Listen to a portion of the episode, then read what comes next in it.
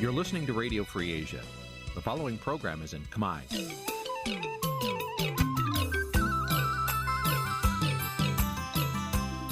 Nǐ chi càm bi tiệp xáy vệt chiu a zì sê ray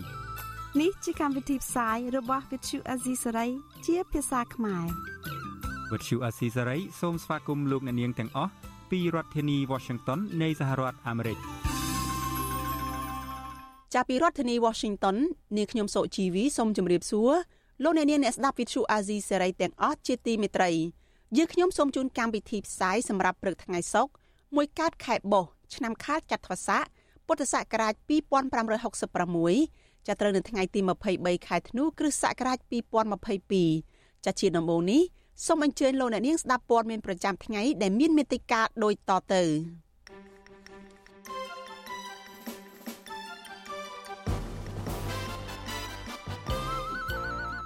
កម្ពុជាបង្កើតរឿងរ៉ាវចម្រូងចម្រាសចំនួន3ពេលធ្វើជាប្រធានបដូវវេនអាស៊ាន ឆ្នាំ2022លោកហ៊ុនសែនចាត់ទុកអ្នកនិយាយថាកម្ពុជាចេះតែក្រទៅគឺជាការប្រមាថជាតិសាសន៍ខ្លួនឯង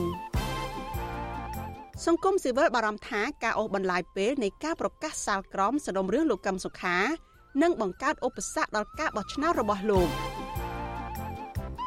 ប្តីស្ត្រីរងគ្រោះដោយសារតែពេទ្យវះកាត់ខុសបច្ចេកទេស សង្ឃឹមថាគ្រូពេទ្យថៃអាចសង្គ្រោះជីវិតប្រពន្ធបាន រួមនឹងព័ត៌មានផ្សេងផ្សេងមួយចំនួនទៀតចាជាបន្តទៅទៀតនេះនាងខ្ញុំសុជីវីសូមជូនព័ត៌មានទាំងនេះពិស្ដាលោកនាងកញ្ញាជាទីមេត្រីអាណត្តិជាប្រធានបដូវវេនអាស៊ានលើកទី3របស់កម្ពុជានៅក្នុងឆ្នាំ2022នេះនឹងត្រូវបិទបញ្ចប់ជាផ្លូវការហើយនៅត្រឹមដំណាច់ឆ្នាំនេះយ៉ាងហោចណាស់មានរឿងរ៉ាវចម្រូងចម្រាសលេចធ្លោចំនួន3 ដែលកម្ពុជាបានធ្វើឲ្យពិភពលោកចងចាំនិងភ្ញាក់ផ្អើលនៅក្នុងរយៈពេលពេញមួយឆ្នាំនៃការដឹកនាំធ្វើជាប្រធានបដូវវេនអាស៊ានរបស់កម្ពុជានៅលើកនេះតើរឿងរ៉ាវចម្រូងចម្រាសលេចធ្លោទាំង3ដែលកម្ពុជាបានធ្វើនៅក្នុងនាមជាប្រធានបដូវវេនអាស៊ានលើកនេះមានអ្វីខ្លះចាលោកមានរិទ្ធមានសេចក្តីរាយការណ៍ពិស្ដារអំពីព័ត៌មាននេះស្ទើរតែคล้ายជាប្រពៃណីទៅហើយដែលនៅរៀងរាល់ពេលកម្ពុជាទទួលបានឱកាសធ្វើជាប្រធានបដូវវេនអាស៊ានម្ដងម្ដង លោកនាយរដ្ឋមន្ត្រីហ៊ុនសែនបានធ្វើឲ្យពិភពលោកភ្ញាក់ផ្អើលសម្រាប់លោកហ៊ុនសែនការដឹកនាំអាស៊ានរបស់កម្ពុជាលើកនេះគឺជាមោទនភាព ឆ្នាំនេះយើងធ្វើប្រធានអាស៊ាន ការងារច្រើនណាស់ក៏ប៉ុន្តែកម្ពុជាក៏ទទួលបាននៅកិត្តិយសសម្រាប់កិច្ចការដ៏សំខាន់មួយនេះបន្ទាប់ពីយើងគ្រប់គ្រងបានកូវីដយើងបានបើកប្រទេសឡើងវិញកម្ពុជាបានដើរតួនាទីទទួលខុសត្រូវក្នុងការសម្របសម្រួលឲ្យចេញរួចនៅឯកសារចំនួន101ឯកសារនៃការប្រជុំកំពូលហើយបបោកទាំងឯកសារដែលរដ្ឋមន្ត្រីការបរទេសចេញចំនួនប្រមាណជា30ឯកសារទៀត យើងសម្រេចបាននៅឯកសាររហូតទៅដល់100ជាងថា120ឬ130ឯកសារដែលរឿងមិនតូចតាចទេទន្ទឹមនឹងនេះលោកហ៊ុនសានត្រូវគេមើលឃើញថាបានព្យាយាមយកបញ្ហាថ្កោលទោសសង្គ្រាមឈ្លានពានរបស់រុស្ស៊ីនៅអ៊ុយក្រែនធ្វើជាឈ្នន់ជួយសម្រួលរូបភាពនៃការដឹកនាំអាស៊ានរបស់លោក ក៏ប៉ុន្តែ នៅចំពោះមោទនភាពដែលលោកហ៊ុនសានអះអាងថាកម្ពុជាសម្រេចបាននឹងនាំមកនៅកិត្តិយសខ្ទោខ្ទានេះកម្ពុជារបស់លោកក៏បានបន្សល់ទុកនៅគេដំណែលដ៏ចម្រូងចម្រាសចំនួន3ដែលធ្វើឲ្យពិភពលោកភ្ញាក់ផ្អើលមិនតិចទេ លើកនេះក៏មិនខុសពីលើកមុនដែរការភ្ញាក់ផ្អើលទី1ដ៏លេចធ្លោជាងគេនោះគឺគ្មានអ្វីក្រៅពីកម្ពុជារបស់លោក បន្តធ្វើជាកូនអុករបស់ប្រទេសចិន សម្រាប់តំបន់អាស៊ានទាំងមូល បើទោះបីជាការធ្វើកូនអុករបស់ចិនលើកនេះមិនឈានរហូតដល់ថ្នាក់ទៅកម្ពុជាយកអាស៊ានទាំងមូលធ្វើជាចំណាប់ខ្មាំងក្នុងរឿងរ៉ាវចំនួនដណ្ដើមអធិបតេយ្យលើប្រជុំកោះនៅតំបន់សមុទ្រចិនខាងត្បូងក៏ដោយក៏រឿងរ៉ាវចម្រូងចម្រាសប្រហាក់ប្រហែលគ្នានេះបានកើតមានឡើងជាក់ស្ដែងនៅមុនពេលបញ្ចប់តំណែងជាប្រធានបដូវវេនអាស៊ាន លោកហ៊ុនសែនមិនភ្លេចឡើយជួយឡង់សេផ្សាយពាណិជ្ជកម្មឲ្យចិនដោយលោកជំរុញឲ្យតំបន់អាស៊ានទាំងមូលបង្កើនទំនាក់ទំនងជាមួយប្រទេសនេះកាន់តែស៊ីជម្រៅបន្ថែមទៀតអាស៊ាននិងចិនចាំបាច់ទៅប្រោតការយកចិត្តទុកដាក់បង្កើនកិច្ចសហប្រតិបត្តិការលើគ្រប់វិស័យឲ្យកាន់តែស៊ីជម្រៅបន្ថែមទៀតជាពិសេសលើការពង្រឹងការធ្វើសមាហរណកម្មសង្គមសេដ្ឋកិច្ចការលុបបំបាត់របាំងពាណិជ្ជកម្មការពង្រឹងភាពធន់នៃខ្សែចង្វាក់ផ្គត់ផ្គង់ និងផលិតកម្មក្នុងតំបន់ព្រមទាំងចាប់យកនៅកាលានុវត្តភាពថ្មីថ្មីពីសេដ្ឋកិច្ច Digital កំណើនបៃតងអន្តរកាលធម្មពលនិងការបង្កើនសមត្ថភាពសហគ្រិនមេក្រូមីក្រូធុនតូចនិងបញ្ជុករឿងរ៉ាវពាក់ព័ន្ធនឹងចិននៅមិនទាន់បញ្ចប់ត្រង់នេះទេទំនងជាចង់ស្អំចិត្តក្រុមមេដឹកនាំអាស៊ាន និងក្រុមមេដឹកនាំពិភពលោកដែលមកចូលរួមកិច្ចប្រជុំកំពូលអាស៊ាននៅកម្ពុជាលើកនេះ លោកហ៊ុនសានបានចាត់ចែងឲ្យផលិតនាឡិកាប្រណិតអាស៊ានចំនួន25គ្រឿងសម្រាប់ទុកចែកជាវត្ថុអនុស្សាវរីយ៍ជូនដល់ក្រុមមេដឹកនាំពិភពលោកទាំងនេះលោកហ៊ុនសែនទំនងជាក្លាយជាមេដឹកនាំអាស៊ានទី1ដែលហ៊ានចំណាយប្រាក់ច្រើនសន្ធឹកសន្ធាប់សម្រាប់វត្ថុអនុស្សាវរីយ៍ទាំងនេះបើតាមលោកនាឡិកាទាំងនេះមានតម្លៃសរុបប្រមាណកន្លះលានដុល្លារអាមេរិកឬស្មើនឹងជាង20,000ដុល្លារក្នុងមួយគ្រឿងមួយគ្រឿង លោកអះអាងថាលោកមិនបានប្រើប្រាស់ថវិកាជាតិសម្រាប់ផលិតនាឡិកាដៃទាំងនេះទេក៏ប៉ុន្តែគឺជាថវិកាដែលបានមកពីក្រុមហ៊ុនឯកជន ដែលលោកមិនបញ្ចេញឈ្មោះទោះយ៉ាងណានាឡិកាដៃប្រណិតទាំងនេះត្រូវបានផលិតឡើងដោយក្រុមហ៊ុនឈ្មោះ Prince Horology ដែលមានឫសគល់ចេញមកពីក្រុមហ៊ុនចិន រឿងរ៉ាវចម្រូងចម្រាសភ្ញាក់ផ្អើលទី2គឺលោកហ៊ុនសែនបាននាំចេញសារគម្រាមកំហែងដល់ពលរដ្ឋអឺរ៉ុបដើមកំណត់ខ្មែរដែលហ៊ានចេញមុខធ្វើបាតកម្មប្រឆាំងនឹងលោក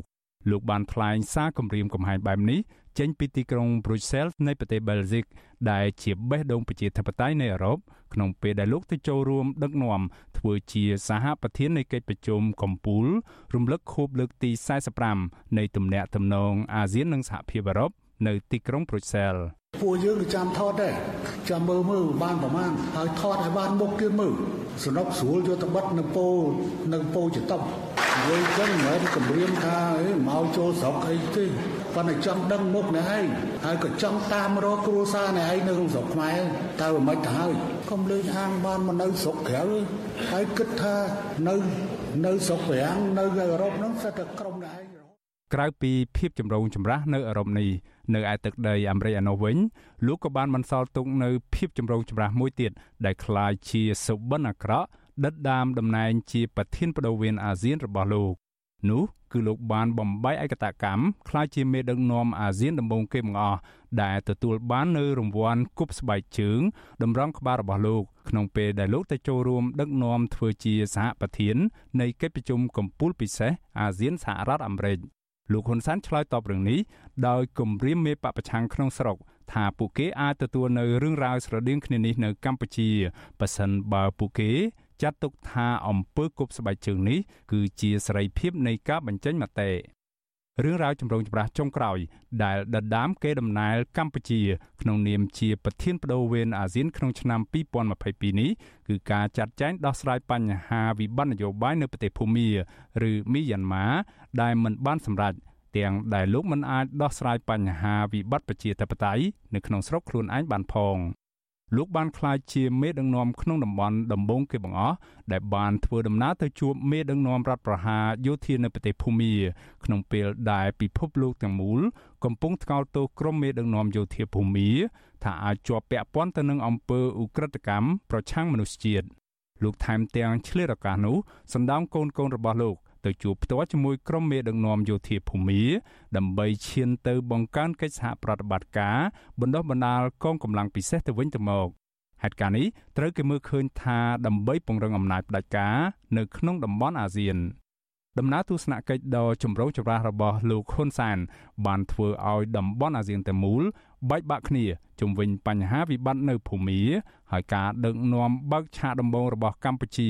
រៀបចំកិច្ចប្រជុំចង្អៀតថ្នាក់រដ្ឋមន្ត្រីការបរទេសត្រូវបានរលូត ទាំងអស់នេះគឺជារឿងរ៉ាវចម្រូងចម្រាសលេចធ្លោចំនួន3របស់កម្ពុជា ក្នុងនាមជាប្រធានបដូវវេនអាស៊ាន នៅក្នុងឆ្នាំ2022នេះដែលទំនងជាពិបាកធ្វើឲ្យពិភពលោកទាំងមូលបំភ្លេចបានថាតើកម្ពុជារបស់លោកនាយរដ្ឋមន្ត្រីហ៊ុនសែននឹងបន្តបង្កើតបាននៅរឿងរ៉ាវចម្រូងចម្រាសលេចធ្លោបែបណាខ្លះទៀតក្នុងពេលដឹកនាំធ្វើជាប្រធានអាស៊ានលើកក្រោយនេះគេត្រូវរងចាំយ៉ាងហោចណាស់10ឆ្នាំទៀតទើបអាចដឹងចម្លើយនេះ ខ្ញុំបាទមេរិត Visual C ស្រីរាយការណ៍ពីរដ្ឋធានី Washington លោកអ្នកនាងកញ្ញាប្រិយមិត្តជាទីមេត្រីចាព័ត៌មានតកតននឹងស្ថានភាពប្រជាពលរដ្ឋក្រីក្រនៅកម្ពុជាវិញម្ដងចាលោកនាយរដ្ឋមន្ត្រីហ៊ុនសែនចាត់ទុកអ្នកនិយាយថាកម្ពុជាចេះតែក្រទៅក្រទៅ គឺជាការប្រមាថមើលងាយជាតិសាសន៍ខ្លួនឯងទោះបីយ៉ាងណាអ្នកវិភាគថាសេដ្ឋកិច្ចកម្ពុជានៅមិនទាន់ដើរបានឆ្ងាយពីបន្ទាត់ក្រីក្រនៅឡើយទេបន្ទាប់ពីវិបត្តិជំងឺនៅឡើយទេ បន្ទាប់ពីវិបត្តិជំងឺ Covid-19 ខណៈបំណុលបរទេសនិងអតិផរណានៅតែបន្តកើនឡើងក្នុងពិធីសម្ពោធដាក់ឲ្យប្រើប្រាស់ផ្លូវមួយខ្សែនៅក្នុងខេត្តប្រសិទ្ធនុនៅថ្ងៃទី22ខែធ្នូលោកយមត្រីហ៊ុនសែនបានលើកឡើងអំពីអ្នករិះគន់ការដឹកនាំរបស់លោកដែលថាមិនបានធ្វើឲ្យកម្ពុជារីកចម្រើន និងចេះតែក្រទៅក្រទៅនោះថាបានមើងងាយប្រមាថចិត្តសាសខ្លួនឯង លោកថែមទាំងបបួលអ្នកទាំងនោះស្បត់ពីភាពខុសគ្នានៃការរស់នៅក្នុងរបបខ្មែរក្រហមប្រៀបធៀបនឹងការដឹកនាំរបស់លោកនៅក្នុងពេលបច្ចុប្បន្ននេះទៀតផងខ្ញុំមិនយល់ហើយក៏សូមថាអ្នកដែលនិយាយបែបនេះតើហ៊ានស្បត់ទេថាស្បត់ឲ្យផ្ទះបាញ់ឬស្បត់ឲ្យឲ្យតែស្បត់ស្បត់ឲ្យងាប់តៃហោងងាប់របៀបម៉េចស្បត់ទេថាអ្នកឯងពួកក្រុមអ្នកឯងនេះកាលពីឆ្នាំ79រហូតដល់ស្បែកជើងពាក់ក៏មិនបានដែរ ឥឡូវអ្នកឯងមានឡានជិះលើផ្លូវដល់ល្អហើយអ្នកឯងថាកាន់តក្រទៅក្រទៅតើអ្នកឯងស្បត់ទេលោកនាយរដ្ឋមន្ត្រីហ៊ុនសែនបានធ្វើដំណើរចេញពីភូមិគ្រឹះរបស់លោកនៅក្នុងខេត្តប្រសិទ្ធនុនិងទៅដល់វេទិកាដោយជិះរថយន្ត Mercedes ស៊េរីឆ្នាំ2022តម្លៃប្រមាណជិតកន្លះលានដុល្លារព្រមទាំងមានមន្ត្រីតូចធំចាំទទួលអមជាមួយចម្រៀងស្វាគមន៍លោកតែកតិនរឿងនេះអ្នកវិភាគនិងជាអ្នកជំនាញផ្នែកវិទ្យាសាស្ត្រនយោបាយលោកអែមសវណ្ណារាប្រាប់វិទ្យុអាស៊ីសេរីថា ផ្អែកលើទិន្នន័យនៃការវាយតម្លៃពីកម្រិតនៃភាពក្រីក្ររបស់ប្រជាពលរដ្ឋចេញដោយស្ថាប័នជំនាញមួយចំនួនចំនួនប្រជាពលរដ្ឋក្រីក្រ មានចំនួនច្រើនជាងទិន្នន័យរបស់រដ្ឋាភិបាលលោកបញ្ជាក់ថាកំណើនចំនួនប្រជាពលរដ្ឋធ្វើចំណាក់ស្រុកទៅធ្វើការនៅក្រៅប្រទេសនិងប្រជាពលរដ្ឋដែលខ្ចីលុយពីធនាគារតែគ្មានលទ្ធភាពសង ជាភ័ស្តុតាងដ៏សាមញ្ញមួយដែលបង្ហាញថាកំណើនសេដ្ឋកិច្ចរបស់កម្ពុជា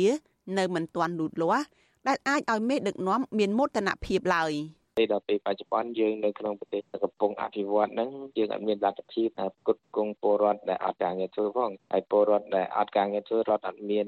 លទ្ធភាពរកការងារឲ្យពលរដ្ឋឲ្យយុវជននេះជាពិសេសណាបានជឿឆ្អាលដល់នឹងទេយើងថាយើងចេញផុតពីតតជាក្រីក្រប៉ុន្តែលទ្ធភាពជួយពលរដ្ឋនេះវាអត់មានលក្ខណៈសម្បត្តិគ្រប់គ្រាន់ក្នុងការជួយគាំពារឬក៏ផ្គត់ផ្គង់ពលរដ្ឋទេ ធនាគារពិភពលោកបានចេញរបាយការណ៍កាលពីថ្ងៃទី28ខែវិច្ឆិកាថាប្រជាជនកម្ពុជាជិតកន្លះលាននាក់បន្ថែមទៀតបានធ្លាក់ខ្លួនក្រីក្រនៅក្នុងរយៈពេល2ឆ្នាំចុងក្រោយនេះក្រោយការផ្ទុះរាតត្បាតជំងឺ Covid-19 ទោះបីជារដ្ឋាភិបាលបញ្ចេញកញ្ចប់ថវិកាដើម្បីទ្រទ្រង់ជីវភាពពលរដ្ឋក៏ដោយក៏មិនអាចស្ដារជីវភាពរបស់ប្រជាពលរដ្ឋបានឡើយព្រោះអំណោយទាំងនោះអាចជួយប្រជាពលរដ្ឋបានត្រឹមតែមួយផ្នែកតូចនិងក្នុងរយៈពេលខ្លីតែប៉ុណ្ណោះ ទន្ទឹមគ្នានេះអង្គការលីកាដូនិងអង្គការសមត្ថៈកម្ពុជា សហការជាមួយនឹងអង្គការ FIAN របស់ប្រទេសអាល្លឺម៉ង់បានចេញរបាយការណ៍រកឃើញថាប្រជាពលរដ្ឋខ្មែរជាង160000នាក់កំពុងលក់ដីដើម្បីបង់សងកម្ចីឥណទានក្នុងរយៈពេល5ឆ្នាំចុងក្រោយនេះរបាយការណ៍ដដែលបានបង្ហាញដែរថាអ្នកខ្ចីប្រាក់ជាច្រើន បានរងគ្រោះពីការរំលោភសិទ្ធិមនុស្សហើយពួកគេទាំងនោះជាញឹកញាប់ត្រូវកាត់បន្ថយការបរិភោគអាហារ និងបញ្ឈប់ការសិក្សារបស់កូនកូនហើយបង្ខំទៅធ្វើការដើម្បីរកប្រាក់មកសងបំណុលធនាគារជុំវិញរឿងនេះប្រធានមជ្ឈមណ្ឌលប្រជាពលរដ្ឋដើម្បីអភិវឌ្ឍនិងសន្តិភាពលោកយងកំឯងមើលឃើញថាប្រជាពលរដ្ឋដែលមានជីវភាពក្រីក្រមានចំនួនច្រើននេះដោយសារកម្ពុជានៅតែជាប្រទេសដែលមានប្រាក់ចំណូលមធ្យមកម្រិតទាបនៅឡើយលោកបន្តថាអ្វីត្បិតតែកម្ពុជាមានការអភិវឌ្ឍផ្លូវថ្នល់សំណង់ហេដ្ឋារចនាសម្ព័ន្ធផ្សេងផ្សេងក៏ពិតមែន តែលុយដែលបានមកនោះគឺជាកម្ចីបរទេសហើយកម្ពុជាក៏នឹងត្រូវប្រឈមនឹងការសងបំណុលទាំងនោះផងដែរអញ្ចឹងទាំងអស់នេះយើងឃើញថាវាជាបញ្ហាមួយដែរបើសិនជានៅពេលដែលកម្ពុជារកសងបំណុលគេហើយវាអាចនឹងប៉ះពាល់ទៅដល់ជីវភាពហើយការរស់នៅរបស់ប្រជាពលរដ្ឋដែរបាទអ្នកខ្លំមើលយល់ឃើញថាការលើកឡើងរបស់លោកហ៊ុនសែនដែលចាត់ទុកអ្នកនិយាយថាកម្ពុជាចេះតែក្រទៅគឺជាការប្រមាថជាតិសាសន៍ខ្លួនឯងនោះ ទំនងជាលោកចង់យកគ្រួសាររបស់លោកតំណាងឲ្យប្រទេសកម្ពុជាទាំងមូលដែលគ្រួសាររបស់លោកកំពុងរស់នៅបែបអភិជន មានទ្រព្យសម្បត្តិហូរហៀសឹងមិនគួរឲ្យជឿបើប្រៀបធៀបទៅនឹងប្រាក់ខែរបស់លោកម្យ៉ាងវិញទៀតបើទោះបីជាលោកហ៊ុនសែនអះអាងថាកម្ពុជា នៅក្រោមការដឹកនាំរបស់លោក មានការអភិវឌ្ឍរីកចម្រើនក្តីក៏រដ្ឋាភិបាលលោកបច្ចុប្បន្ននេះបង្កើនការចែកបានក្រីក្រដល់ប្រជាពលរដ្ឋទៅវិញហើយការចែកបានក្រីក្រនេះ ក៏ជារបៀបទិញសន្លឹកឆ្នោតពីប្រជាពលរដ្ឋដែរដើម្បីឲ្យលោក បន្តក្តោបក្តាប់អំណាចតវងត្រកូលតទៅទៀត។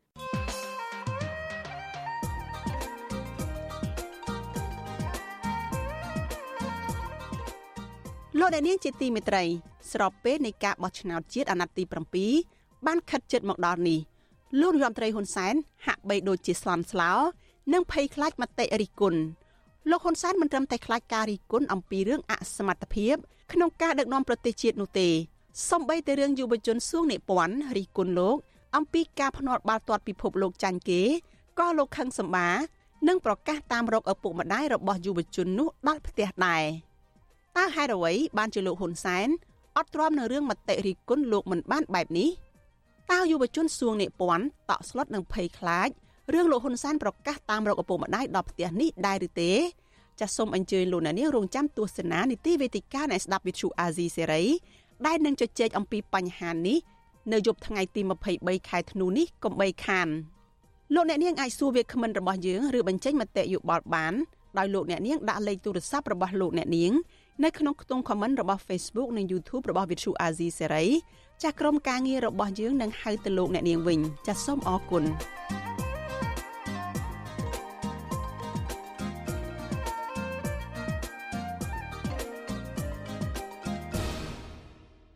លោកអ្នកនាងកញ្ញាជាទីមេត្រីលោកអ្នកកំពុងតែស្ដាប់ការផ្សាយរបស់ Vithu Azizi Serai ចាប់ផ្សាយចេញពីរដ្ឋធានី Washington សហរដ្ឋអាមេរិកចាប់ព័ត៌មានតកតងនៅរឿងក្តីក្តាំនៅតុលាការវិញម្ដងចាសសាលាដំបងរាជធានីភ្នំពេញបានប្រកាសសាលក្រមផ្ដន្ទាទោសលើសកម្មជននិងថ្នាក់ដឹកនាំគណៈបកប្រឆាំងចំនួន36នាក់ដាក់ពន្ធនាគារម្នាក់ម្នាក់ចន្លោះពី5ឆ្នាំទៅ7ឆ្នាំក្រោមបទចោទប្រកាន់រួមគំនិតក្បត់ជនជាប់ឃុំចាត់ទុកការចោទប្រកាន់នេះ ថាជារឿងអយុត្តិធម៌និងមិនអាចទទួលយកបានឡើយចាលូទីនសការីយ៉ារាយការណ៍ព័ត៌មាននេះប្រធានក្រុមប្រឹក្សាជំនុំជម្រះនៅសាលាដំបងរាជធានីភ្នំពេញនៅឆ្លៃអុករ៉េតកុនធាប្រកាសសារក្រមផ្ដន្ទាទោសកម្មជននិងថ្នាក់ដឹកនាំគណៈបកប្រឆាំង37នាក់ក្នុងនោះមានចំនួន11នាក់ឲ្យជាប់ពន្ធនាគារចំនួន7ឆ្នាំនិង25នាក់ផ្សេងទៀតឲ្យជាប់ពន្ធនាគារចំនួន5ឆ្នាំប៉ុន្តែមានសកម្មជន2នាក់ត្រូវបានតុលាការព្យួរទោស ហើយម្នាក់ទៀតតម្រូវឲ្យអនុវត្តទោសមួយខែក្នុងពន្ធនាគារចំណែកសកម្មជនម្នាក់ទៀតដែលរស់នៅប្រទេសកូរ៉េខាងត្បូងគឺលោកម៉ាត់បានីត្រូវបានតុលាការលើកលែងការចាប់ប្រកាន់ក្នុងចំណោមជនជាប់ចោតទាំង37នាក់នោះមានសកម្មជន3នាក់កំពុងតែជាប់ឃុំក្នុងពន្ធនាគារព្រៃសរហើយត្រូវបានតុលាការកាត់ទោសឲ្យជាប់ពន្ធនាគារ5ឆ្នាំនោះ គឺមានលោកកុងម៉ាស់លោកខាន់ប៊ុនភេងនិងលោកវឹងសំណាង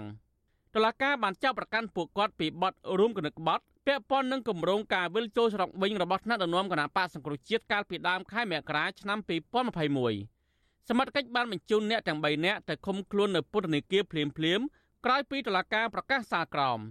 ចំណែកអាថ្នាក់ដឹកនាំគណៈបកប្រឆាំងចំនួន11នាក់ផ្សេងទៀតតុលាការកាត់ក្តីកម្បាំងមុខដាក់ពន្ធនាគារម្នាក់ម្នាក់7ឆ្នាំនិងទោសបន្ថែមដោយដកសិទ្ធិបោះឆ្នោតនិងចូលឈ្មោះបោះឆ្នោតរយៈពេល7ឆ្នាំ អ្នកទាំងនោះមានជាអាចលោកសំរងស៊ីអ្នកស្រីមួសុកហួរលោកអេងឆៃអៀងលោកម៉ែនសុថាវរិននិងមនុស្សមួយចំនួនទៀតដែលភ ieck ច្រើនកំពុងតែភៀសខ្លួននៅក្រៅប្រទេសតុលាការបានចាប់ប្រកាន់ពួកគាត់ពីបទរួមគំនិតក្បត់ជនជាប់ឃុំទាំង3នាក់ថ្លែងនៅចំពោះមុខតុលាការថាជារឿងអយុត្តិធម៌មិនទទួលយកបានឡើយប្រពន្ធសកម្មជនគណបកប្រឆាំងលោកវឿងសំណាងគឺលោកស្រីទៀងចន្ទាថ្លែងទាំងទឹកភ្នែកថា ប្តីរបស់លោកស្រីនិងសកម្មជនគណបកប្រឆាំង2នាក់ផ្សេងទៀតនៅតែអះអាងថាពួកគាត់មិនបានប្រព្រឹត្តខុសច្បាប់ដោយការចោទប្រកាន់របស់តុលាការនោះឡើយលោកស្រីថាចាប់តាំងពីពេលនេះតទៅគ្រួសារលោកស្រីនឹងមានជីវភាពកាន់តែក្រីក្រលំបាកព្រោះគ្មានប្តីដែលជាមនុស្សបង្គោលក្នុងគ្រួសារជួយរកប្រាក់ចំណូលដោះស្រាយជីវភាពប្រចាំថ្ងៃ អយុធធនណាបងគ្មានខុសតាំងអីច្បាស់លាស់ទេហើយគេកាត់ក៏ដល់ទៅ5ឆ្នាំអត់មានសម្រួលអីសោះខ្ញុំទទួលយកមិនបានទេជាគ្រួសារគ្មានផុសតាំងអីច្បាស់លាស់ទេបងរាល់ថ្ងៃនឹងខ្ញុំប្រឈមខ្លាំងណាស់បងតែម្នាក់ឯងរលុយចាំកូនចាំប្តីក្នុងពន្ធនាគារហើយនៅបង់ធនាគារខ្ញុំជពាក់រត់ជពាក់ធនាគារទៀតហើយខ្ញុំម្នាក់ឯងហើយខ្ញុំរត់មិនរួចហើយ ខ្ញុំរត់មិនរួចទេចំណែកឯមេធាវីការពារក្តីឲ្យសកម្មជនគណៈបកប្រឆាំងគឺលោកឡជុនធី មានប្រសាសន៍ថាលោកនឹងដាក់ពាក្យប្តឹងទៅសាលាឧទ្ធរប្រឆាំងនឹងការសម្រេចរបស់តុលាការជាន់ទាបមួយនេះក្នុងពេលឆាប់ៗខាងមុខទៅតាមនោះឯងប៉ុន្តែឥឡូវយើងត្រៀមនីតិវិធីបន្តទៀតសម្រាប់ដឹងអន្តោយើងធ្វើម៉េចអាហ្នឹងទៅតាមនីតិវិធីដែលគេបើកឲ្យណាយើងអត់មានជំរឿសមានជំរឿសតាមផ្លូវច្បាប់ប៉ុណ្្នឹងឯង អអញ្ញាធរដ្ឋាភិបាលលហ៊ុនសែនបានចាប់ខ្លួនលោកកុងម៉ាស់នៅភ្នំពេញនិងចាប់ខ្លួនលោកខាន់ប៊ុនភេងនៅខេត្តបាត់ដំបងក្នុងថ្ងៃតែមួយកាលពីថ្ងៃទី31ខែធ្នូឆ្នាំ2020ហើយបញ្ជូនទៅឃុំខ្លួននៅពន្ធនាគារព្រៃសរលោកកុងម៉ាស់ដែលកំពុងតែជាប់ពន្ធនាគារពីរដងទាំងលើកនេះគឺជាសមាជិកក្រុមការងារគណៈបកសង្គ្រោះជាតិខេត្តស្វាយរៀងចំណែកឯលោកខាន់ប៊ុនភេងគឺជាអតីតចៅសង្កាត់ជាប់ឆ្នោតរបស់គណៈបកសង្គ្រោះជាតិនៅសង្កាត់ព្រែកព្រះស្ដេចខេត្តបាត់ដំបង រីឯលោកវឹងសំណាងត្រូវអាជ្ញាធរថៃចាប់បញ្ជូនមកកម្ពុជាវិញ កាលពីថ្ងៃទី9ដុល្លារឆ្នាំ2021សំណុំរឿងនេះស្ថិតនៅក្រោមការឃ្លាំមើលពីមន្ត្រីអង្គការសហប្រជាជាតិមន្ត្រីស្ថានទូតប្រទេសលោកសេរីនិងតំណាងអង្គការសង្គមស៊ីវិលនានាចំណែកឯនៅខាងក្រៅតុលាការវិញ មានការដាក់ពង្រាយសមត្ថកិច្ចជាង30នាក់ការពារយ៉ាងតឹងរ៉ឹងជំវិញបរិវេណតុលាការជំវិញនឹងរឿងនេះប្រធានសមាគមការពារសិទ្ធិមនុស្សអាត់ហុក លោកនីសុខានៅតែមើលឃើញថាសកម្មជនគណបកប្រឆាំងទាំងនោះគ្មានកំហុសដោយការចាប់ប្រកាន់របស់តុលាការនោះទេពីព្រោះលោកថាសកម្មភាពរបស់ពួកគេគ្រាន់តែជាការប្រាស្រ័យសិទ្ធិសេរីភាពក្នុងការសម្ដែងមតិនិងបង្ហាញជំនឿផ្នែកនយោបាយតែប៉ុណ្ណោះលោកបញ្ជាក់ថាសិទ្ធិទាំងនេះត្រូវបានអនុញ្ញាតដោយរដ្ឋធម្មនុញ្ញដូច្នេះតុលាការមិនគួរផ្តន្ទាទោសធ្ងន់ធ្ងរលើសកម្មជនគណបកប្រឆាំងទៅនេះឡើយ។ នៅក្នុងប្រទេសប្រកាន់ប្រជាធិបតេយ្យគឺ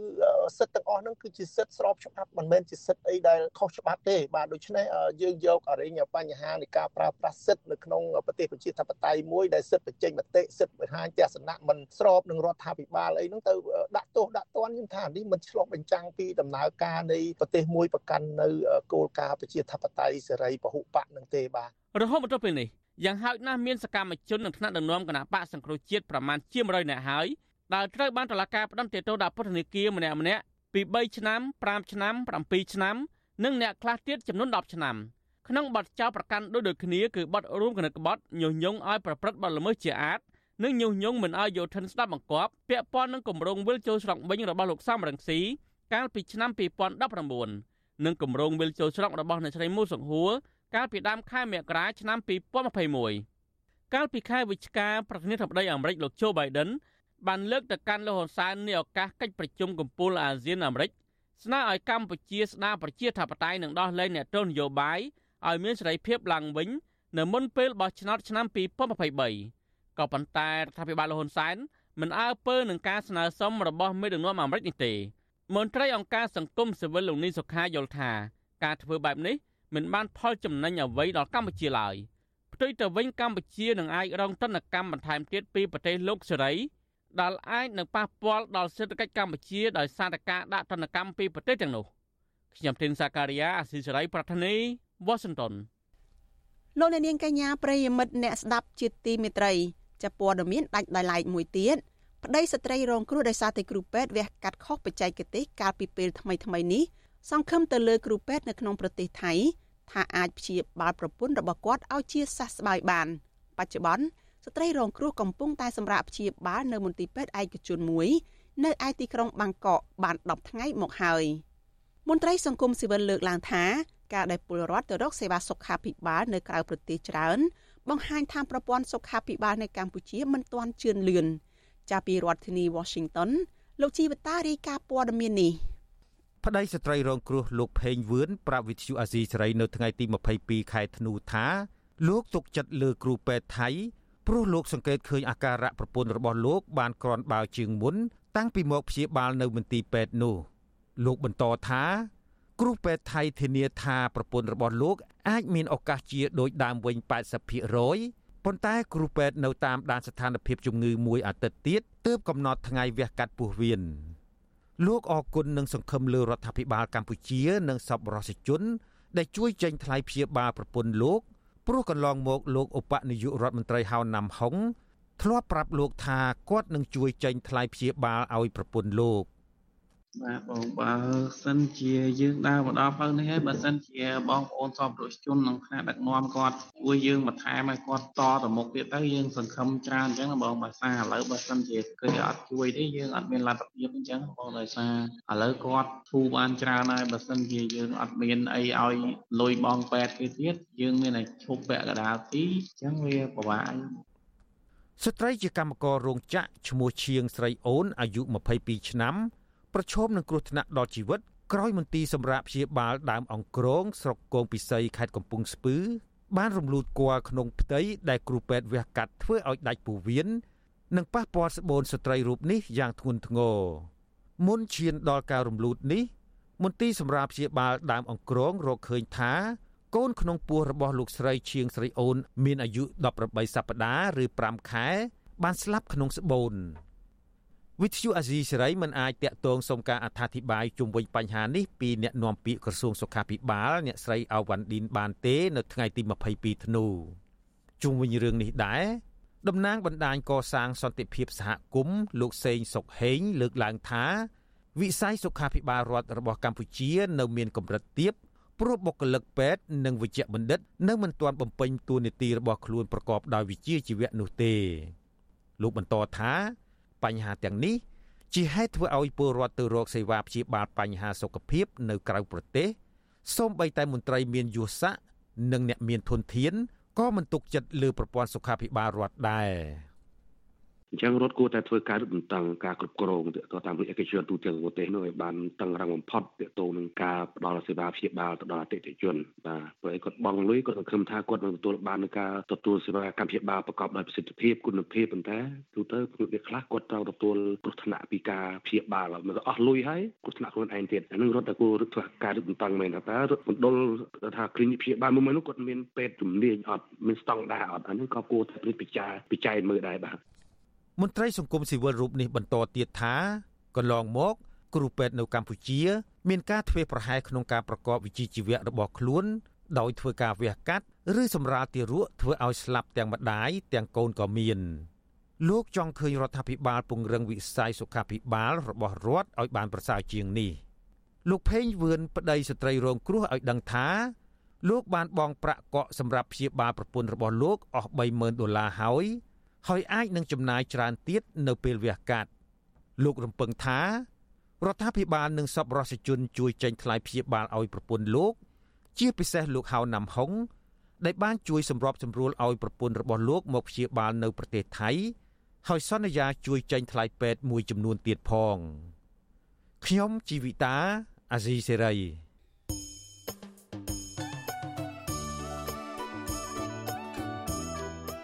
លោកអ្នកនាងកញ្ញាជាទីមេត្រីដំណើរគ្នានឹងស្ដាប់ការផ្សាយផ្ទាល់របស់វិទ្យុអាស៊ីសេរីតាមរយៈបណ្ដាញសង្គម Facebook និង YouTube ចាលោកអ្នកនាងក៏អាចស្ដាប់ការផ្សាយរបស់វិទ្យុអាស៊ីសេរីតាមរយៈរលកធាតុអាកាសខ្លីឬ Shortwave តាមកម្រិតនិងកម្ពស់ដូចតទៅនេះពេលព្រឹកចាប់ពីម៉ោង5កន្លះដល់ម៉ោង6កន្លះតាមរយៈ post SW 9.39 MHz ស្មើនឹងកម្ពស់ 32m និង post SW 11.85 MHz ស្មើនឹងកម្ពស់ 25m ពេលយប់ចាប់ពីម៉ោង7កន្លះដល់ម៉ោង8កន្លះតាមរយៈ post SW 9.39 MHz ស្មើនឹងកម្ពស់ 32m ប៉ុស SW 11.88 MHz ស្មើនឹងកម្ពស់ 25m និងប៉ុស SW 15.15 MHz ស្មើនឹងកម្ពស់ 20m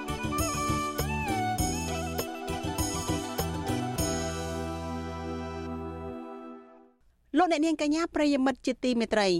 ចាព័ត៌មានតកតងនឹងការចាប់ខ្លួនជនសង្ស័យជួញដូរគ្រឿងញៀនវិញម្ដង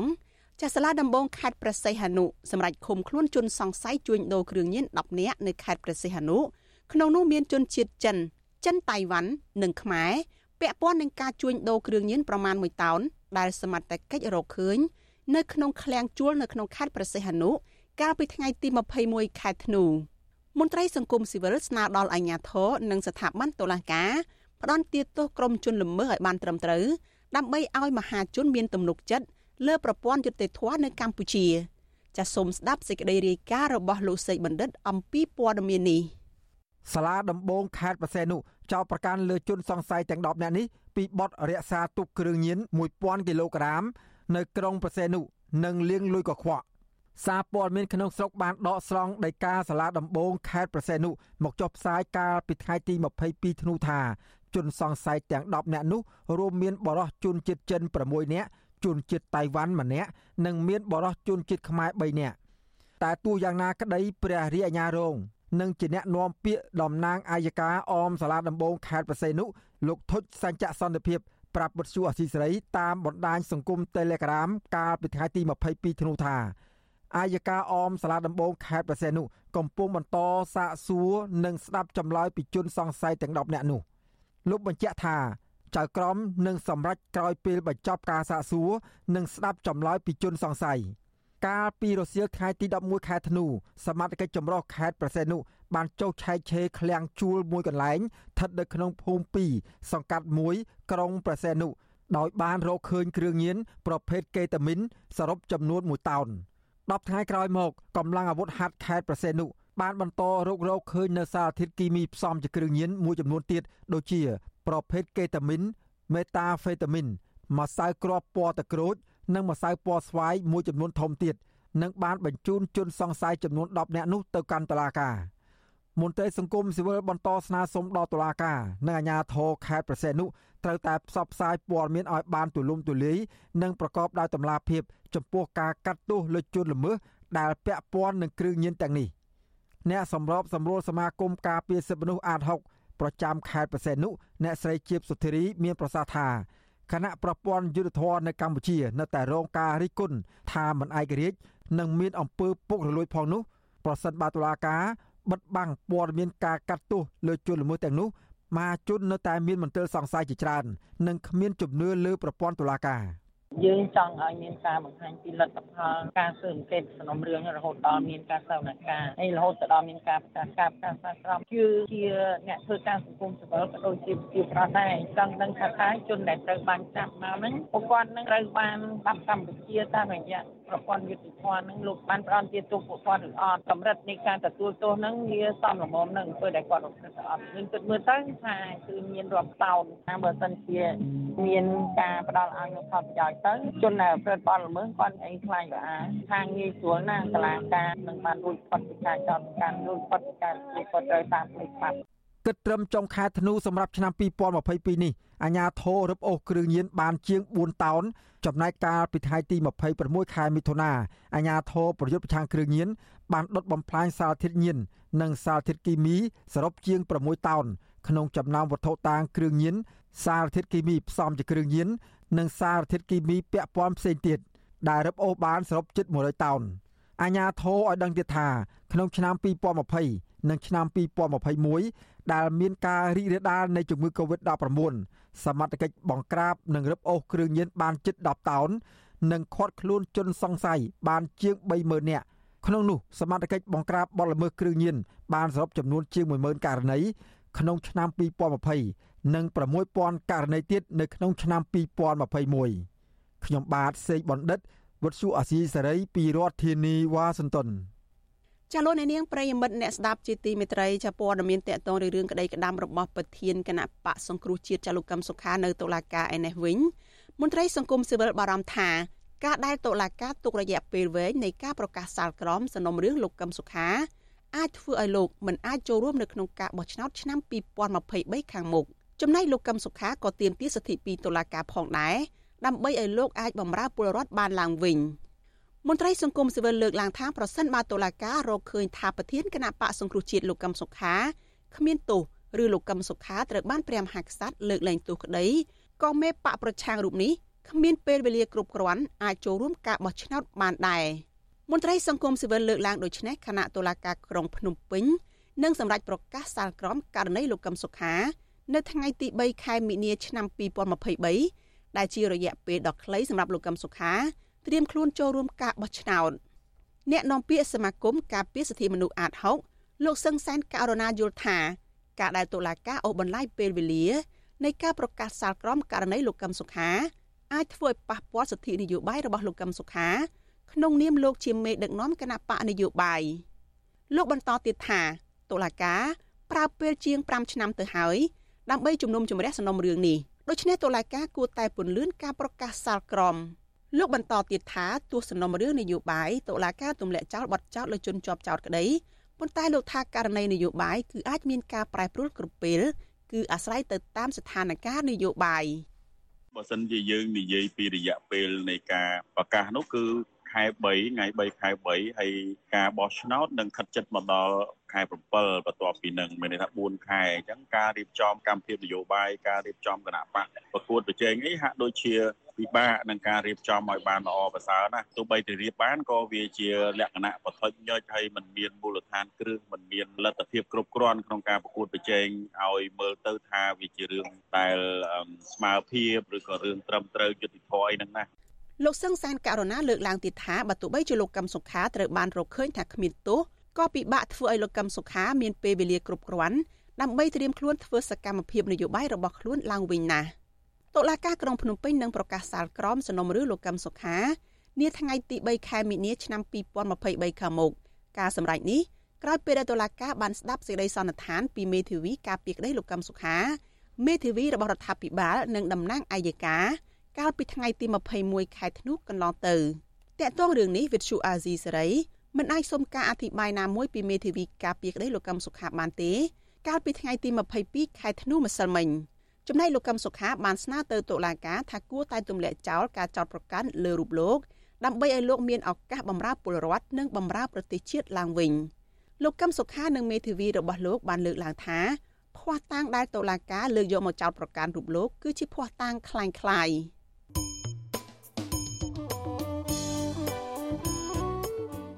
ចាលោកអ្នកនាងជាទីមេត្រីនៅក្នុងឱកាសនេះដែរនាងខ្ញុំសូមថ្លែងអំណរគុណដល់លោកអ្នកនាងកញ្ញាទាំងអស់ដែលតែងតែមានភក្ដីភាពចំពោះការផ្សាយរបស់យើងហើយចាត់ទុកការស្ដាប់វិទ្យុអាស៊ីសេរីនេះគឺជាផ្នែកមួយនៃសកម្មភាពប្រចាំថ្ងៃរបស់លោកអ្នកនាងចាការគ្រប់គ្រងរបស់លោកអ្នកនាងនេះហើយដែលធ្វើឲ្យយើងខ្ញុំកាន់តែមានទឹកចិត្តខ្លាំងថែមទៀតក្នុងការស្វែងរកព័ត៌មាននិងផ្តល់ព័ត៌មានពិតជូនលោកអ្នកនាងចាំមានអ្នកស្ដាប់ មានអ្នកទស្សនាកាន់តែច្រើនកាន់តែធ្វើឲ្យយើងខ្ញុំមានភាពស្វាហាប់មោះមុតជាបន្តទៅទៀតយើងខ្ញុំសូមអរគុណទុកជាមុនហើយសូមអញ្ជើញលោកអ្នកនាងកញ្ញាចូលរួមជំរុញឲ្យសកម្មភាពផ្សព្វផ្សាយព័ត៌មានរបស់វិទ្យុអាស៊ីសេរីនេះចាកាន់តែជោគជ័យបន្ថែមទៀតចាលោកអ្នកនាងអាចជួយយើងខ្ញុំបានដោយគ្រាន់តែចុចចែករំលែកការផ្សាយរបស់វិទ្យុអាស៊ីសេរីចានៅលើបណ្ដាញសង្គម Facebook និង YouTube ទៅកាន់មិត្តភ័ក្តិរបស់លោកអ្នកនាង ចាដើម្បីឲ្យការផ្សាយរបស់យើងនេះបានទៅដល់មនុស្សកាន់តែច្រើន ចាសូមអរគុណ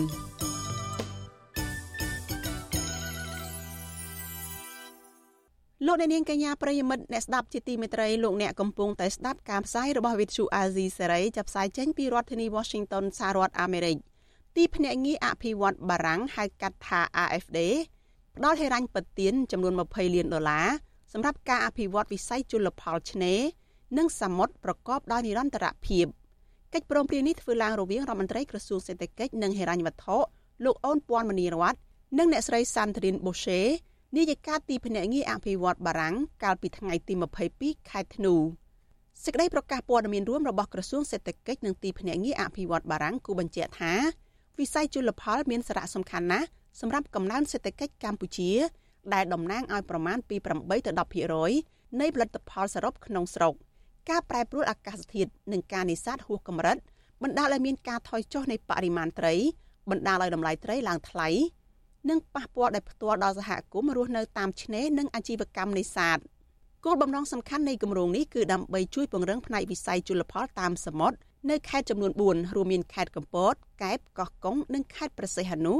ដោយជួយលើកកម្ពស់ការចិញ្ចឹមត្រីសមុទ្រការអភិវឌ្ឍឡើងវិញនៅទីតាំងនេសាទដើម្បីបង្កើនសុវត្ថិភាពអាហារសមុទ្រ ព្រមទាំងពង្រឹងប្រព័ន្ធអេកូឡូស៊ីសមុទ្រជាដើម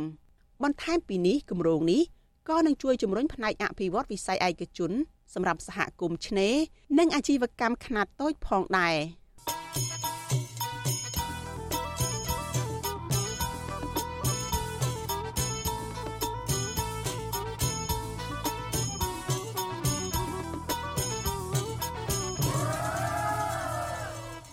លោកអ្នកនាងកញ្ញាជាទីមេត្រីព័ត៌មានតកតងនឹងការបោះឆ្នោតវិញម្ដងក្រុមអ្នកជំនាញកិច្ចការបោះឆ្នោតលើកឡើងអំពីបញ្ហានិងភាពមិនប្រក្រតីមួយចំនួនពាក់ព័ន្ធនឹងការធ្វើបច្ចុប្បន្នភាពបញ្ជីឈ្មោះអ្នកបោះឆ្នោតសម្រាប់ការបោះឆ្នោតជាតិនៅក្នុងឆ្នាំ2023ខាងមុខនេះពួកគេអំពាវនាវដល់គណៈបកនយោបាយទាំងអស់ឲ្យជួយសង្កេតនិងតាមដានមើលដំណើរការនៃការបិទបញ្ជីឈ្មោះអ្នកបោះឆ្នោតផ្លូវការដែលគណៈកម្មាធិការជាតិរៀបចំការបោះឆ្នោតកោជប គ្រោងនឹងប្រកាសនៅដើមឆ្នាំក្រោយនេះចាប់ពីរដ្ឋធានី Washington លោកមានរិទ្ធមានសេចក្តីរាយការណ៍មួយទៀតអំពីរឿងនេះក្រុមអ្នកជំនាញកិច្ចការបោះឆ្នោតវាតម្លៃដោយប្រយ័ត្នប្រយែងចំពោះគុណភាពនៃបញ្ជីឈ្មោះអ្នកបោះឆ្នោតចុងក្រោយនេះខណៈមិនទាន់មានការសិក្សាបែបវិទ្យាសាស្ត្រនិងការធ្វើសវនកម្មលើបញ្ជីឈ្មោះអ្នកបោះឆ្នោតដែលកោជបទើបបានធ្វើបច្ចុប្បន្នភាពចុងក្រោយនេះ អ្នកសម្របសម្រួលផ្នែកអង្គការនឹងតស៊ូមតិនៃអង្គការឃ្លាំមើលការបោះឆ្នោត Confrel លោកកនស្វាង សង្កេតឃើញថាកោជបមិនបានផ្សព្វផ្សាយព័ត៌មានពាក់ព័ន្ធទៅនឹងដំណើរការចុះឈ្មោះនិងពិនិត្យបញ្ជីឈ្មោះបោះឆ្នោតនេះឲ្យបានពេញលេញនិងទូលំទូលាយនៅឡើយទេ ជាពិសេសគឺពលរដ្ឋនៅតាមតំបន់ជនបទនិងពលរដ្ឋចំណាក់ស្រុកដែលលោកថាពួកគេនៅតែមិនទាន់យល់ដឹង អំពីសារៈសំខាន់នៃកិច្ចការចុះឈ្មោះបោះឆ្នោតនេះនៅឡើយទេទោះយ៉ាងណា លោកវាតម្លៃថាគុណភាពនៃបញ្ជីបោះឆ្នោតគិតត្រឹមឆ្នាំ2021កន្លងទៅ ហាក់មានភាពប្រសើរជាងមុន ពាក់ព័ន្ធនឹងការចាត់ប្រកាន់ពីឈ្មោះខ្មោច និងឈ្មោះស្ទួនជាដើមក៏ប៉ុន្តែលោកថានៅមិនទាន់មានការសិក្សាជាក់លាក់ទៅលើបញ្ជីឈ្មោះថ្មីចុងក្រោយ ដែលកោជបទើបនឹងធ្វើបច្ចុប្បន្នភាពនេះនៅឡើយទេ ចឹងនៅក្នុងចំណុច3នេះដែលយើងបានសិក្សាណាគឺឈ្មោះខ្មោចឈ្មោះស្ទួនហើយនឹងព័ត៌មាននេះយើងនៅតែមើលឃើញថាជីឈ្មោះនៅតែមានភាពល្អប្រសើរអាហ្នឹងគឺអ្វីដែលយើងសិក្សានៅក្នុងចាប់ឆ្នាំ2016រហូតដល់ឆ្នាំ2021នេះមកដល់ឆ្នាំ2ដែរសម្រាប់2022នេះយើងមិនដឹងទេព្រោះយើងនឹងទៅសិក្សាក្នុងខែ1ខាងមុខនេះយើងនៅទៅសិក្សាទៀតទៅលើជីឈ្មោះហ្នឹងតែទោះបីយ៉ាងណាក៏ដោយក៏សូមបញ្ជាក់ថាយើងមិនបានសិក្សាទៅលើភាពស្របច្បាប់នៅក្នុងអត្តសញ្ញាណទេឧទាហរណ៍ដូចជារឿងថាតើអ្នកកាន់ឯកសារមកចុះឈ្មោះនេះវាត្រឹមត្រូវទេឬមិនត្រឹមត្រូវអាហ្នឹងយើងយើងមិនបានសិក្សាក្នុងចំណុចហ្នឹងទេហើយរឿងទី2តកតងជាមួយនឹងរឿងការដឹកមនុស្សឬក៏ក្រៅយកមកចុះឈ្មោះអីក៏យើងមិនបានសិក្សាឲ្យបានល្អដែរគ្រាន់តែថាបានទទួលជាព័ត៌មានដែលថាមានការនាំមនុស្សពីខាងក្រៅអីមកចុះឈ្មោះចឹងបាទរីឯនាយកប្រតិបត្តិនៃអង្គការឃ្លាំមើលការបោះឆ្នោត Netflix លោកសំគុណធីមីលើកឡើងថាអង្គការរបស់លោកមិនអាចវាតម្លៃពីគុណភាពនៃបញ្ជីឈ្មោះបោះឆ្នោតចុងក្រោយនេះបាននៅឡើយទេ ដោយសារតែអង្គការរបស់លោកពុំបានធ្វើសវនកម្មលើដំណើរការនេះដោយគ្រាន់តែចូលរួមឃ្លាំមើលពីចម្ងាយលោកថាបើទោះបីជាមិនមានអ្វីគួរឲ្យកត់សម្គាល់ហើយដំណើរការចុះឈ្មោះនិងពិនិត្យបញ្ជីឈ្មោះបោះឆ្នោតធ្វើឡើងដោយធម្មតានិងអាចទទួលយកបានក៏ដោយ ក៏ភាពមិនប្រក្រតីនៃបញ្ជីឈ្មោះបោះឆ្នោតជុំវិញបញ្ហាឈ្មោះស្ទួនឬឈ្មោះខ្មោចនៅតែជាការសង្ស័យនៅឡើយបញ្ហានេះយើងនៅតែមានការសង្ស័យដែរណាដោយសារយើងអត់បានធ្វើសកម្មកម្មតែប៉ុន្តែគាត់ថាយើងមិនមាននេះខុសតាំងអីដើម្បីលើកឡើងមកនេះណាបាទពាក់ព័ន្ធទៅនឹងការធ្វើបច្ចុប្បន្នភាពបញ្ជីឈ្មោះអ្នកបោះឆ្នោតសម្រាប់ការបោះឆ្នោតជាតិឆ្នាំក្រោយនេះ អ្នកនាំពាក្យកោចបលោកហំពធាប្រាប់វិសុយស៊ីស្រីថាបច្ចេកវិទ្យាដែលកោចបប្រើអនុញ្ញាតឲ្យគេអាចរកឈ្មោះអ្នកបោះឆ្នោតតាមរយៈក្រយៅដៃលេខអត្តសញ្ញាណប័ណ្ណនិងថ្ងៃខែឆ្នាំកំណើតជាដើមលោកអះអាងថាការនេះគឺមានភាពគ្រប់គ្រាន់ដើម្បីបញ្ជាក់ពីភាពត្រឹមត្រូវនៃបញ្ជីឈ្មោះអ្នកបោះឆ្នោតបាន កោចបបានធ្វើការវាយតម្លៃថាការចុះឈ្មោះបោះឆ្នោតឆ្នាំ2022នេះគឺប្រព្រឹត្តទៅដោយរលូនគ្មានអំពើហិង្សាហើយក៏គ្មានកំហុសឆ្គងណាមួយដែលអាចចាត់ទុកឬក៏ធ្វើឲ្យប៉ះពាល់ដល់បញ្ជីបោះឆ្នោតនោះទេផ្ទុយទៅវិញការប្រើប្រាស់បច្ចេកវិទ្យាកាន់តែច្រើនទៅតាម app ដូចបានផ្សាយតាមទូរស័ព្ទដៃជាដើមហ្នឹងគឺជាចំណុចមួយធ្វើឲ្យបញ្ជីបោះឆ្នោតកាន់តែមានភាពចុក្រិតជាជាងឆ្នាំមុនទៅទៀតបាទគិតរហូតមកទល់ពេលនេះ គូចបបានបិទបញ្ចប់ទាំងស្រុងដំណើរការចុះឈ្មោះបោះឆ្នោតសម្រាប់អ្នកទើបគ្រប់អាយុបោះឆ្នោតថ្មីដែលមានរយៈពេល50ថ្ងៃគិតត្រឹមថ្ងៃទី8ខែធ្នូកន្លងទៅលោកហំពធាឲ្យដឹងថាកោចបក្រុងបិទផ្សាយបញ្ជីឈ្មោះអ្នកបោះឆ្នោតដំបូងនៅថ្ងៃទី23ខែមករាឆ្នាំ2023ខាងមុខនេះដើម្បីទុកពេលឲ្យបុរដ្ឋពិនិត្យនិងតវ៉ា លោកថាការសម្រេចចុងក្រោយ គឺកោចបនឹងប្រកាសសុពលភាពបញ្ជីឈ្មោះបោះឆ្នោតសម្រាប់ប្រើប្រាស់នៅពេលបោះឆ្នោតជាតិឆ្នាំ2023ខាងមុខគឺនៅថ្ងៃទី21ខែកុម្ភៈ លទ្ធផលបណ្ដោះអាសន្នរបស់គណៈកម្មាធិការជាតិរៀបចំការបោះឆ្នោតហៅកាត់ថាកោចបបង្ហាញថាចំនួនពលរដ្ឋមានឈ្មោះទៅបោះឆ្នោតជាតិនៅឆ្នាំ2023ខាងមុខនេះអាចនឹងកើនឡើងរហូតដល់ជាង9លាន5សែននាក់លើសពីបញ្ជីឈ្មោះនៅក្នុងការបោះឆ្នោតឃុំសង្កាត់អាណត្តិទី5កាលពីខែមិថុនាឆ្នាំ2022កន្លងទៅ ដែលមានឈ្មោះអ្នកបោះឆ្នោតជាង9លាន2សែននាក់គិតត្រឹមថ្ងៃទី7ខែធ្នូ ប្រជាពលរដ្ឋទៅចុះឈ្មោះបោះឆ្នោតថ្មី មានជាង57ម៉ឺននាក់រីឯអ្នកដែលត្រូវលុបឈ្មោះចេញពីបញ្ជីបោះឆ្នោត មានជាង25ម៉ឺននាក់អ្នកនាំពាក្យកោចបលោកហំពធាពន្យល់ថាប្រព័ន្ធរៀបចំបញ្ជីបោះឆ្នោតនៅកម្ពុជា គឺជាប្រព័ន្ធស្ម័គ្រចិត្តហើយការបោះឆ្នោតក៏ជាការស្ម័គ្រចិត្តដែរលោកថាដូច្នេះហើយពលរដ្ឋមិនទៅចុះឈ្មោះឬមិនទៅបោះឆ្នោត គឺជាសិទ្ធិរបស់ពួកគាត់ ដោយឡែកចំពោះការលុបឈ្មោះចេញពីបញ្ជីឈ្មោះបោះឆ្នោត ដែលមានចំនួនជាង25ម៉ឺននាក់វិញលោកពន្យល់ថាគឺដោយសារតែមានអ្នកស្លាប់អ្នកផ្លាស់ប្តូរទីលំនៅចេញទៅក្រៅឃុំសង្កាត់ផ្សេង និងអ្នកដែលត្រូវបានដកហូតសិទ្ធិបោះឆ្នោតជាបណ្ដោះអាសន្ន បើតាមអ្នកនាំពាក្យកោចបលោកហំពធាយ៉ាងហោចណាស់មានគណៈបកនយោបាយចំនួន8បានដាក់ភ្នាក់ងារគណៈបកតាមសង្កេតមើលដំណើរការចុះឈ្មោះនិងពិនិត្យមើលបញ្ជីឈ្មោះបោះឆ្នោតនេះដែលសរុបទៅមានប្រមាណជាង7000នាក់រីឯអង្គការមិនមែនរដ្ឋាភិបាលវិញក៏បានដាក់អ្នកខ្លំមើលជាង5000នាក់នៅតាម1652ឃុំសង្កាត់នៅទូទាំងប្រទេស ក៏ប៉ុន្តែលោកកនស្វាង ចង់ឃើញកោចបបន្ថែមពេលវេលាសម្រាប់អ្នកចុះឈ្មោះបោះឆ្នោតថ្មី និងពិនិត្យមើលពីលទ្ធភាព ដែលអាចអនុញ្ញាតឲ្យពលរដ្ឋនៅក្រៅប្រទេសអាចចុះឈ្មោះបោះឆ្នោតបានពីប្រទេសដែលពួកគេកំពុងរស់នៅ។ ចូលជបទៅពិនិត្យមើលទៅលើរឿងការចុះឈ្មោះជននៅខាងក្រៅណែផ្ដាល់លទ្ធភាពសិទ្ធិអីអស់ហ្នឹងទេបាទហើយនឹងមើលអ្វីដែលជាការបារម្ភការលើកឡើងដីកង្វល់របស់គណៈបកនយោបាយដែលបានលើកជាបញ្ហាហ្នឹងគឺថាកោជបគួរយកចិត្តទុកដាក់ណែដើម្បីដោះស្រាយបញ្ហាមិនឲ្យមានការទទួលបានអត់ទេរួមទាំងសភាហ្នឹងក៏ពិនិត្យមើលអំពីលទ្ធភាពនៅសិទ្ធិរបស់ប្រជាពលរដ្ឋដែលបានមិនទាន់បានពេញលេញផងដែរបាទដើម្បីធ្វើម៉េចដល់ឲ្យគាត់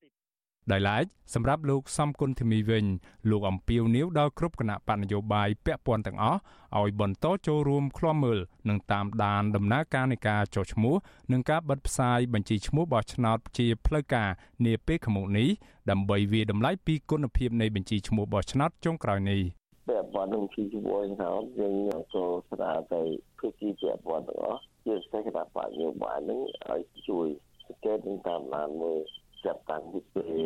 លការបិទពីពុកផ្លូវការរហូតដល់ថ្ងៃមួយតើតាមវាមានជាប្រកបដោយខ្លះដែលគាត់អាចគាត់ស្គាល់បានណាបាទការបោះឆ្នោតជាតិឆ្នាំ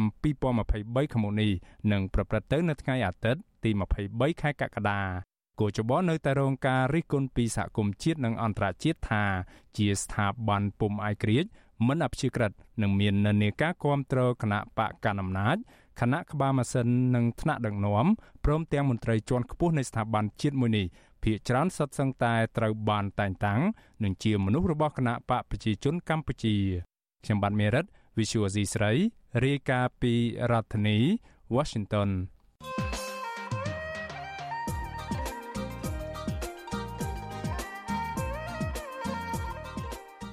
លោកអ្នកនាងជាទីមេត្រីស្របពេលនៃការបោះឆ្នោតជាតិអាណត្តិទី7 បានខិតជិតមកដល់នេះលោករដ្ឋមន្ត្រីហ៊ុនសែនហាក់បីដូចជាស្លន់ស្លោនិងភ័យខ្លាចមតិរិះគន់លោកហ៊ុនសែនមិនត្រឹមតែខ្លាចការរិះគន់អំពីរឿងអសមត្ថភាពក្នុងការដឹកនាំប្រទេសជាតិនោះទេសម្បីតែរឿងយុវជនសួងនិពន្ធរិះគន់លោកអំពីការភ្នាល់បាល់ទាត់ពិភពលោកចាញ់គេក៏លោកខឹងសម្បានិងប្រកាសតាមរកឪពុកម្ដាយរបស់យុវជននោះដល់ផ្ទះដែរតើហេតុអ្វីបានជាលោកហ៊ុនសែនអត់ទ្រាំនៅរឿងមតិរិះគន់លោកមិនបានបែបនេះ តើយុវជនសួងនិពន្ធតក់ស្លុតនឹងភ័យខ្លាចរឿងលោកហ៊ុនសែនប្រកាសតាមរកឪពុកម្ដាយដល់ផ្ទះនេះដែរឬទេចាសសូមអញ្ជើញលោកអ្នកនាងរងចាំទស្សនានីតិវេទិកានៃស្ដាប់វិទ្យុអាស៊ីសេរីដែលនឹងជជែកអំពីបញ្ហានេះនៅយប់ថ្ងៃទី23ខែធ្នូនេះកុំបីខាន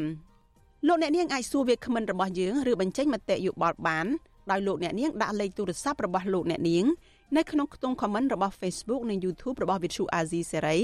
ចាស់ក្រុមការងាររបស់យើងនឹងហៅទៅលោកអ្នកនាងវិញចាសសូមអរគុណ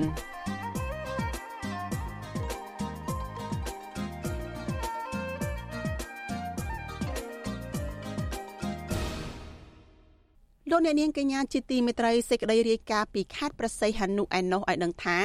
ពលរដ្ឋរស់នៅក្នុងខេត្តនេះមួយចំនួន សាទរនិងអ្នកខ្លះទៀតព្រួយបារម្ភពីផលប៉ះពាល់នៃការប្រកបរបរចិញ្ចឹមថ្ងៃរបស់ពួកគេ ដោយសារតែវត្តមាននៃជនជាតិចិនហាក់ថមថយនាពេលចុងក្រោយនេះទោះយ៉ាងណា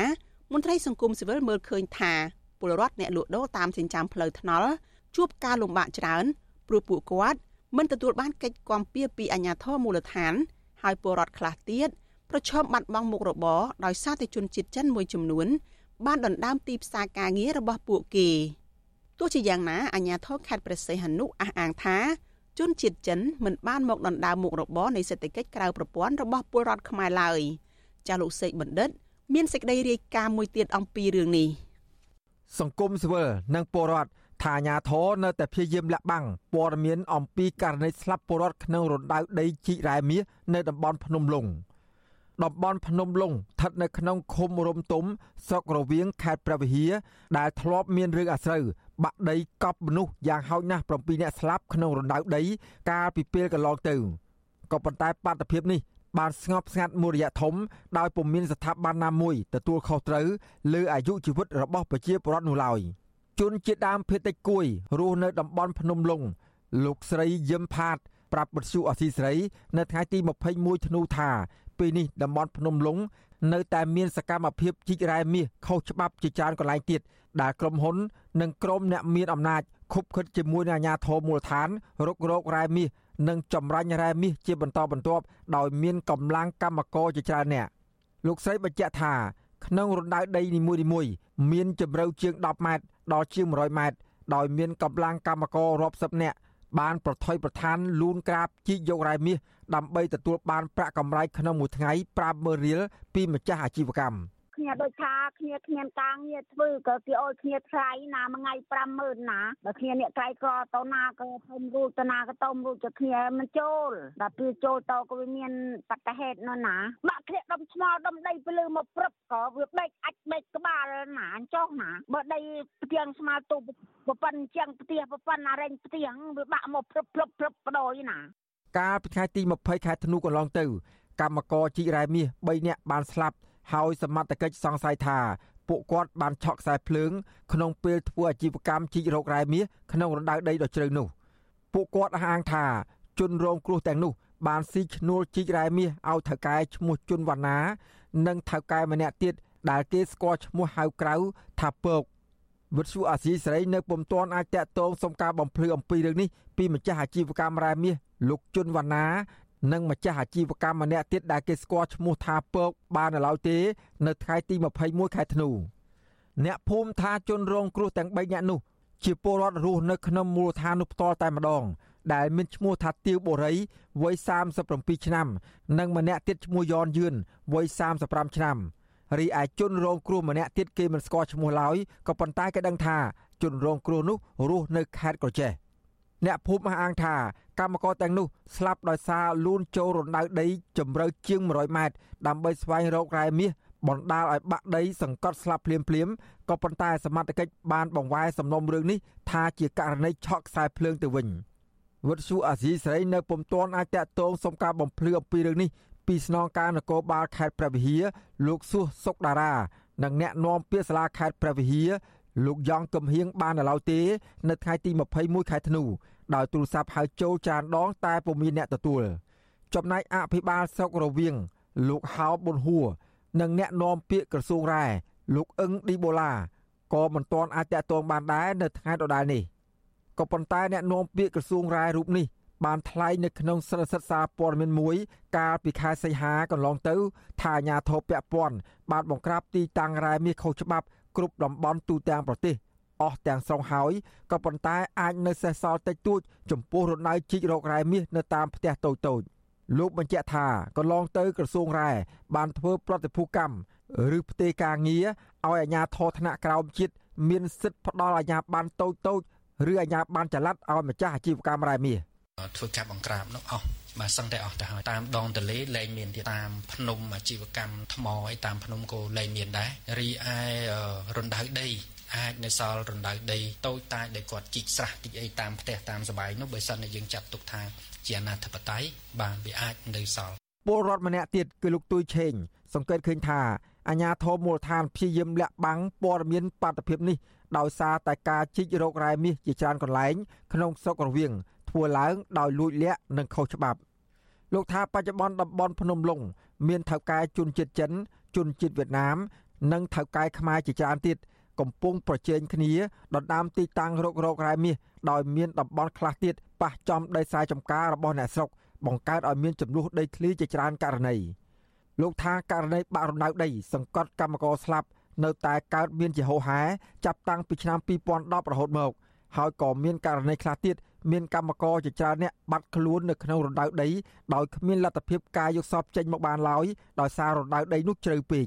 មួយទៀតគឺបង្ហូរនៅសារជាតិពុលគីមីបណ្ដាលឲ្យមានស្លាប់គោស្លាប់ក្របីអីនឹងឯងជារៀងរាល់ឆ្នាំដែរដូច្នេះហើយក៏ដោយសារតែពួកអាជ្ញាធរនឹងគប់ខិតគំនិតជាមួយនឹងពួកអស់នឹងឯងធ្វើដើម្បីយកលុយទៅចិញ្ចឹមគ្រួសារខ្លួននឹងឯងមិនមែនលុយកាក់នឹងឯងយកទៅដើម្បីជួយជាតិទេជុំវិញរឿងនេះ មន្ត្រីសម្របសម្រួលសមាគមការពារសិទ្ធិមនុស្សអាត6ប្រចាំនៅខេត្តព្រះវិហារលោកឡាវច័ន្ទសង្កេតឃើញថាកម្មករស្លាប់នៅក្នុងរណ្ដៅរ៉ែមាសនៅតែបន្តកើតមានដដែលដដែលដោយគ្មានការទទួលខុសត្រូវដើម្បីកែលម្អចំណុចខ្វះចន្លោះនោះឲ្យប្រសើរឡើងបានឡើយអស់រយៈពេលជាច្រើនឆ្នាំមកហើយលោកសង្ស័យថាអាញាធរខេត្តព្រះវិហារបន្តជាប់ពាក់ព័ន្ធការខុបខិតគ្នា បណ្ដោយឲ្យក្រុមហ៊ុនអ្នកមានអំណាចធ្វើអាជីវកម្មរ៉ែមាសខុសច្បាប់នៅតំបន់ភ្នំលុងនោះបើសិនជាតកែហ្នឹងអត់មានច្បាប់ឬអាជ្ញាប័ណ្ណត្រឹមត្រូវពីក្រសួងឬពីមន្ត្រីជំនាញណាមួយទេអាហ្នឹងរឹតតែខុសធ្ងន់ទី1បញ្ហាប្រឈមទៅនឹងអាជីវកម្មគាត់ពីព្រោះការដែលធ្វើរ៉ែការរុករឬបើធ្វើអាជីវកម្មរ៉ែត្រូវមានអាជ្ញាប័ណ្ណហើយបើអត់មានអាជ្ញាប័ណ្ណចាប់ទុកថាជាទង្វើខុសច្បាប់ ប្រជាសហគមន៍បានដឹងថាតំបន់ភ្នំលុងទាំងមូលមានផ្ទៃដីសរុបជាង1200ហិកតា ដែលសម្បូរទៅដោយរ៉ែមាសក្រោមដីត្រូវបានក្រុមហ៊ុនឯកជនធំធំយ៉ាងហោចណាស់ចំនួន3ពុះចែកគ្នាធ្វើអាជីវកម្មក្រៅពីនេះក៏នៅមានថៅកែជនជាតិចិន និងថៅកែជនជាតិវៀតណាមជាច្រើនទៀតបានមកជ្រកក្រោមស្លាកក្រុមហ៊ុនទាំងនេះ និងជួលអ្នកមានអំណាចឲ្យកាងអាជីវកម្មឲ្យខ្លួន ដែលកំពុងធ្វើសកម្មភាពនៅភូមិខាងកើតនិងភូមិខាងជើងនៃភ្នំលុងទន្ទឹមគ្នានេះតំបន់នោះ មានទាហាននៅឈរចាំផ្លូវដើម្បីហាមឃាត់ពលរដ្ឋឬអ្នកសារព័ត៌មានមិនឲ្យចូលទៅក្នុងតំបន់នោះបានឡើយខ្ញុំបាទសេកបណ្ឌិតវុទ្ធុអាស៊ីសេរីពីរដ្ឋធានីវ៉ាស៊ីនតោន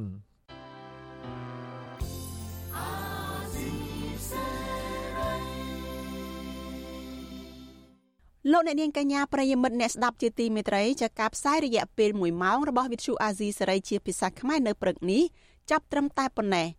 យើងខ្ញុំសូមជូនពរដល់លោកអ្នកនាងកញ្ញានិងក្រុមគ្រួសារចាសសូមជួបប្រកបតែនឹងសេចក្តីសុខចម្រើនរុងរឿងកំបីគ្លៀងគ្លៀតឡើយនាងខ្ញុំសុជីវីព្រមទាំងក្រុមការងារទាំងអស់នៃវិទ្យុអាស៊ីសេរីសូមអរគុណនិងសូមជម្រាបលា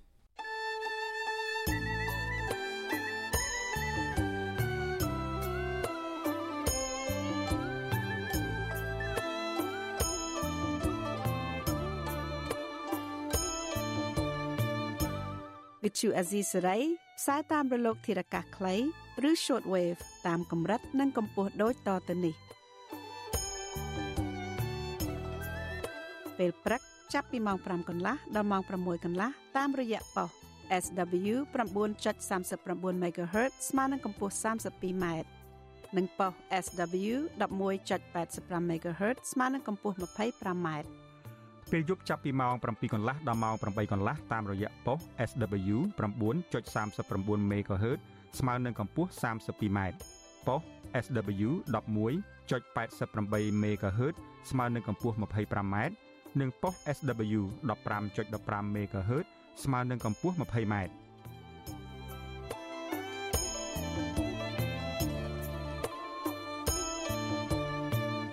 លោកអ្នកនាងក៏អាចស្ដាប់ការផ្សាយផ្ទាល់តាមប្រព័ន្ធអ៊ីនធឺណិតដោយចូលទៅកាន់គេហទំព័រ www.rfa.org/ ខ្មែរក្រៅពីនេះលោកអ្នកនាងក៏អាចអាននិងទស្សនាព័ត៌មានវិទ្យុអេស៊ីសេរីលើទូរស័ព្ទដៃរបស់លោកអ្នកផ្ទាល់សូមលោកអ្នកនាង ចូលទៅកាន់កម្មវិធី Facebook រួចស្វែងរកពាក្យ RFA ខ្មែរ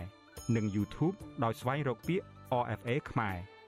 សូមលោកអ្នកនាងចុច like និងចុច subscribe ដើម្បីទទួលបានព័ត៌មានថ្មីៗ